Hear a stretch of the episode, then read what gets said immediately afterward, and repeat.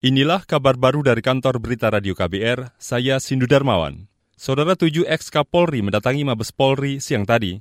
Mereka menemui Kapolri Listio Sigit Prabowo untuk membahas nasib institusi kepolisian yang kini dirundung sederet masalah.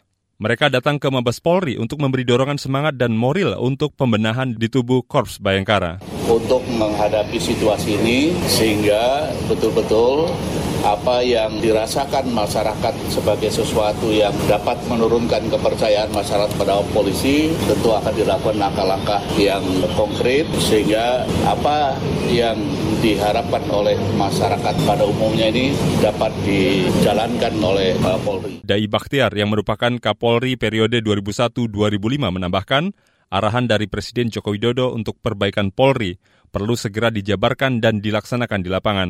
Tujuh ex-Kapolri yang menemui Listio Sigit Prabowo antara lain Dai Bakhtiar dan Bambang Hendarso Danuri. Bank Indonesia menyerukan setiap pihak menyikapi dengan hati-hati ketidakpastian global yang kini terjadi. Sebab menurut Deputi Gubernur Senior Bank Indonesia Destri Damayanti, ketidakpastian ekonomi global bisa memunculkan ancaman resesi.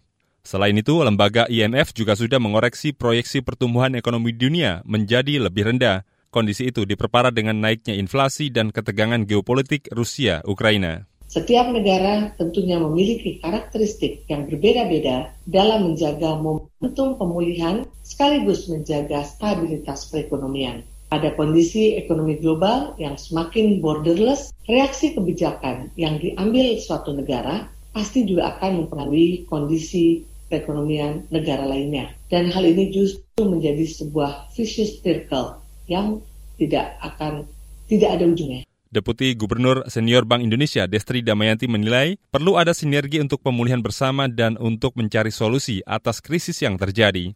Dia berharap presidensi G20 di Indonesia dapat dimanfaatkan untuk mendorong pertumbuhan ekonomi global yang lebih kuat, berkelanjutan, seimbang, dan inklusif. Pemerintah Indonesia mengecam serangan udara yang dilancarkan junta militer Myanmar terhadap sebuah pertunjukan musik di Kachin, Sekitar 80 orang tewas dalam serangan yang terjadi minggu lalu tersebut.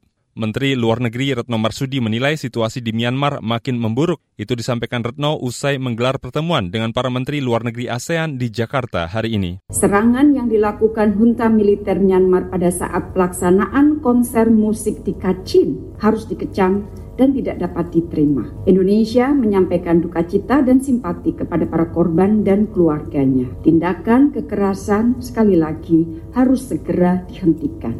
Menteri Luar Negeri Retno Marsudi menyatakan Indonesia menyampaikan beberapa kekhawatiran atas situasi di Myanmar dalam pertemuan tersebut. Salah satunya terus meningkatnya kekerasan yang memakan banyak korban jiwa. Menurut Retno, praktik kekerasan ini kerap terjadi sejak kudeta militer tahun lalu. Demikian kabar baru dari KBR, salam.